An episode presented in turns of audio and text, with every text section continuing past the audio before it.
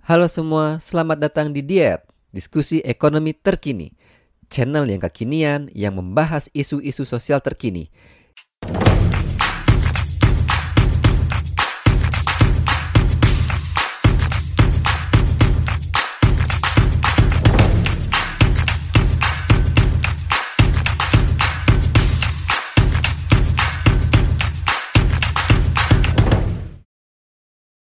Di diet kali ini akan membahas mengenai perilaku masyarakat di era new normal atau kebiasaan baru. Apa sih new normal itu? New normal adalah kebiasaan baru atau perilaku yang baru dari sebuah kebiasaan yang sebelumnya kita lakukan. Ya. Seperti kita ketahui, mungkin 5 atau 6 bulan ke belakang seluruh negara di dunia menghadapi bencana pandemi COVID-19 atau corona termasuk di dalamnya ada Indonesia. Banyak negara-negara di dunia menerapkan sistem lockdown. Karena apa? Karena COVID-19 ini. Apa sih sistem lockdown? Lockdown adalah menutup sementara. Banyak di belahan berbagai negara dunia menutup negaranya secara sementara dari kegiatan-kegiatan misalkan wisatawan asing, mancanegara ataupun bahkan perdagangan ekspor impor. Apa sih dampaknya dari pandemi COVID-19 ini? Tentunya dampaknya sangat luas atau dampaknya cukup besar.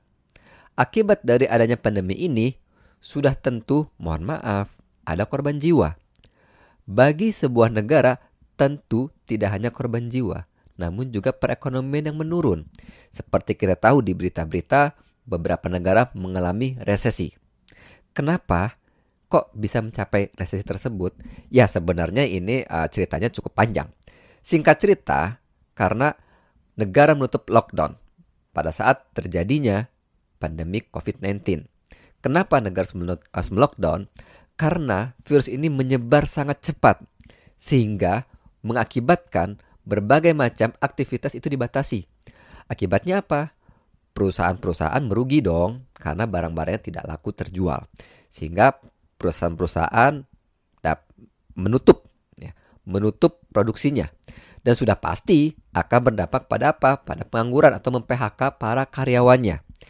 Akibatnya apa? Ketika pengangguran terjadi ya otomatis karyawan-karyawan kena PHK tidak mampu membeli kebutuhan sehari-harinya atau tidak mampu membelikan kebutuhan apa yang biasa dia beli. Sehingga akibatnya apa? Ekonomi menjadi menurun. Oke. Pertanyaan yang sangat mendasar adalah pilih mana nih? Keselamatan masyarakat atau keselamatan ekonomi? Keselamatan masyarakat di sini kita tekankan pada kesehatannya. Kesehatan masyarakat atau kesehatan ekonomi nih.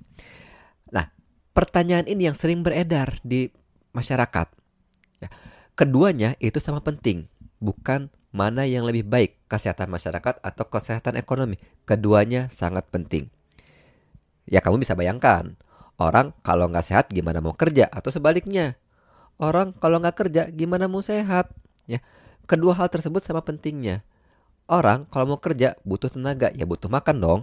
Ya, orang kalau mau sehat ya butuh makan dong.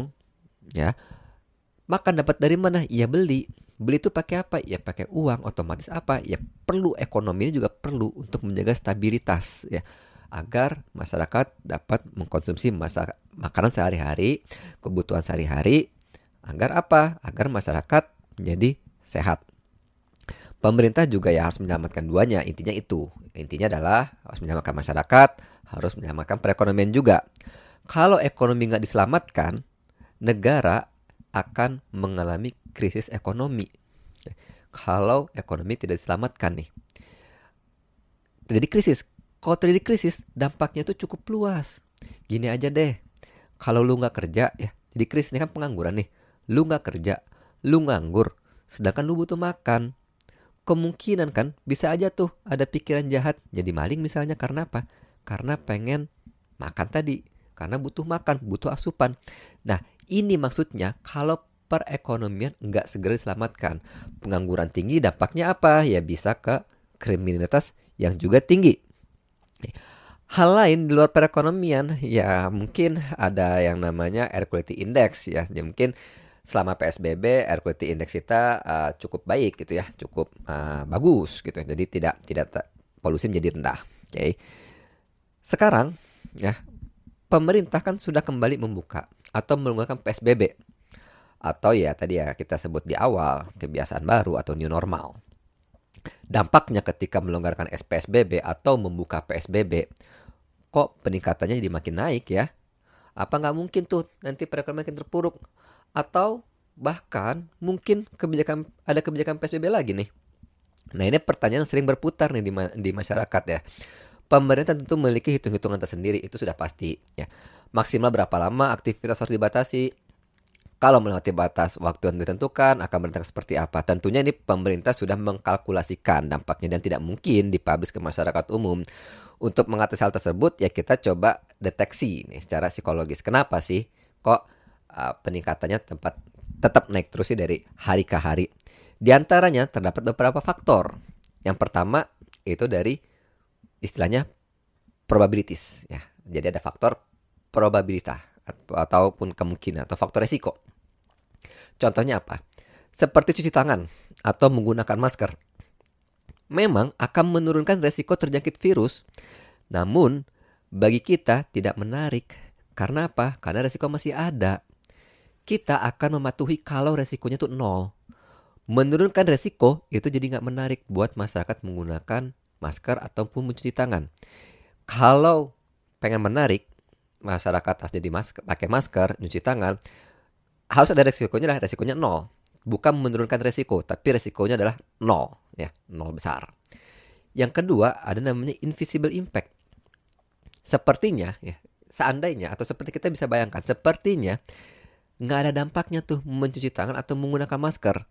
Karena ketika kita berangkat keluar dari rumah dalam keadaan sehat, terus kita pulang, ya masih dalam keadaan sehat juga. Jadi seolah-olah tuh nggak ada perubahan pakai cuci, mencuci tangan ataupun menggunakan masker. Ya sama aja gitu, karena kita keluar sehat, pulang juga sehat. Ya tadi invisible impact, nggak kelihatan dampaknya dari mencuci tangan ataupun uh, menggunakan masker. Jadi tidak tidak terlalu terlihat gitu ya. Jadi sama aja atau tidak ada uh, tidak bisa melihat negatif impactnya seperti apa sih ketika kita menggunakan masker ataupun mencuci tangan negatif impactnya itu apa. Nah itulah yang sering terjadi di wilayah perumahan padat penduduk mungkin ya sebagai masyarakat tidak menggunakan masker dan cenderung mengabaikan. Nah selanjutnya apa lagi? Ada lagi namanya intrapersonal empathy gaps. Ada rasa empati yang kurang. Membuat orang menjadi empati seperti kita melihat orang sakit misalkan ya coba kita bayangkan juga ya, menjadi orang sakit atau menjadi uh, korban ataupun orang sakit lah gampangnya gitu. Contohnya gimana? Misalkan kita bayangkan atau bayangkan uh, temen gua kakinya sakit. Gua harus bayangin kaki temen gua tuh sakitnya kayak apa ya? Kan sulit tuh ngebayanginnya sakitnya kayak gimana. Karena apa? Karena diri gua baik-baik aja. Kaki gua baik-baik aja. Nggak ada rasa sakit-sakitnya. Jadi sulit membayangkan gimana sih rasa sakitnya kaki temen gua itu yang kepelintir misalkan ya. Contohnya lagi, mohon maaf ya, mohon maaf saya lagi. Misalnya kita bayangkan diri kita menjadi salah satu korban dari corona. Kita sesak nafas, diisolasi menggunakan alat bantu pernapasan dan sebagainya macamnya. Karena hal tersebut sulit banget dibayangin atau dirasain dampaknya pada jiwa empati kita sehingga turun jiwa empati kita. Akibatnya apa? Ya kita mikirin diri sendiri. Ya. Gua nggak tahu rasanya. Rasanya dia sakit corona seperti apa gue nggak tahu. Yang keempat adalah adaptasi.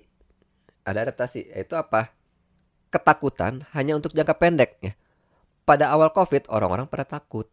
Oh, lu bisa lihat tuh.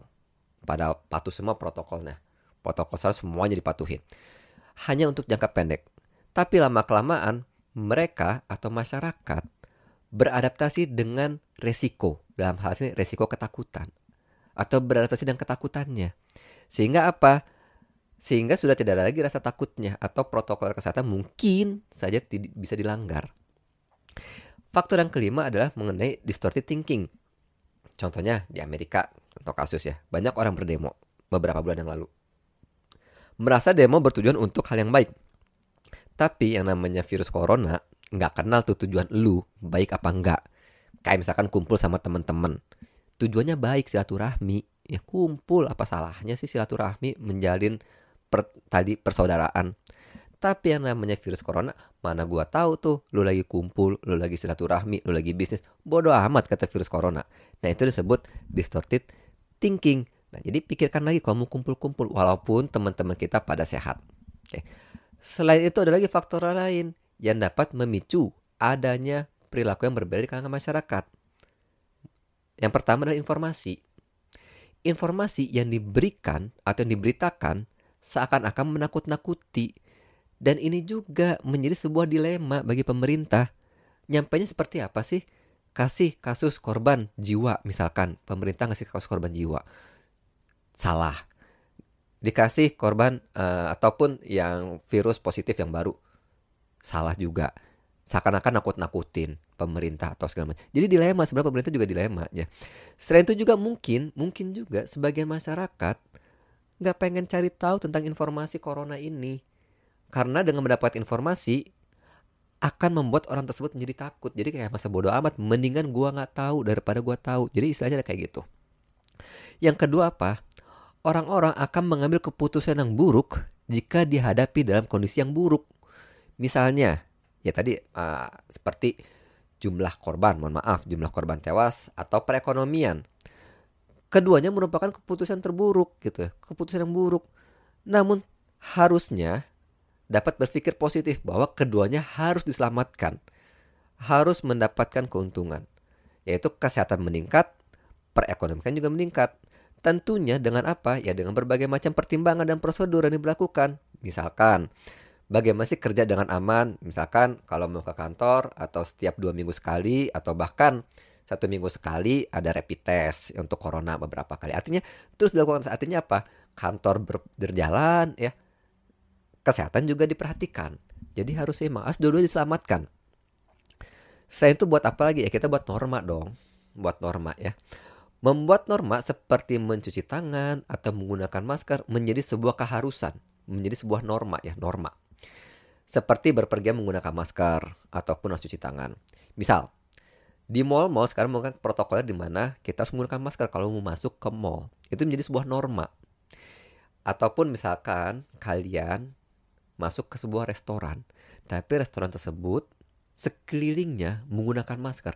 Ketika lu masuk ke dalam restoran tersebut nggak pakai masker, ya, lu nggak masuk nggak pakai masker, tapi di sekeliling masker, lu akan merasa bersalah. Itu menjadi sebuah norma, dan itu menjadi sebuah kebiasaan. Yang terakhir mungkin harus ada inspirational leadership, harus ada uh, pemimpin yang menjadi inspirasi nggak dapat dipungkiri deh bahwa sampai saat ini sosok leader, sosok pemimpin itu menjadi sebuah panutan bagi para masyarakat, bagi masyarakat. Ya, kalau panutannya sudah rajin mencuci tangan, menggunakan masker secara disiplin, secara sesuai protokol kesehatan, mematuhi protokol kesehatan, gue yakin banget masyarakat bakal ngikutin tuh pemimpinnya. Misalkan seorang kepala desa, ataupun presiden, ataupun para menteri, ataupun siapa pun yang menjadi sosok inspirasinya menggunakan masker, mencuci tangan, mematuhi protokol kesehatan. Gua yakin banget itu para pengikutnya bakal patuh. Karena nggak dapat dipungkiri lagi, sekali lagi, sosok leader bisa menjadi seorang panutan. Oke okay, guys, mungkin sekali ya, mungkin itu topik hari ini ya, uh, mengenai bagaimana sih perilaku masyarakat di era new normal ini. Kenapa kasus corona bisa menjadi terus meningkat? Mungkin dari faktor-faktor tersebut, dari berbagai sumber yang saya dapatkan, Itulah poin-poin pentingnya. Sampai jumpa lagi di diet berikutnya, diskusi ekonomi terkini, di mana kita bahas isu-isu sosial yang terkini. Diet pintar, biar makin pintar.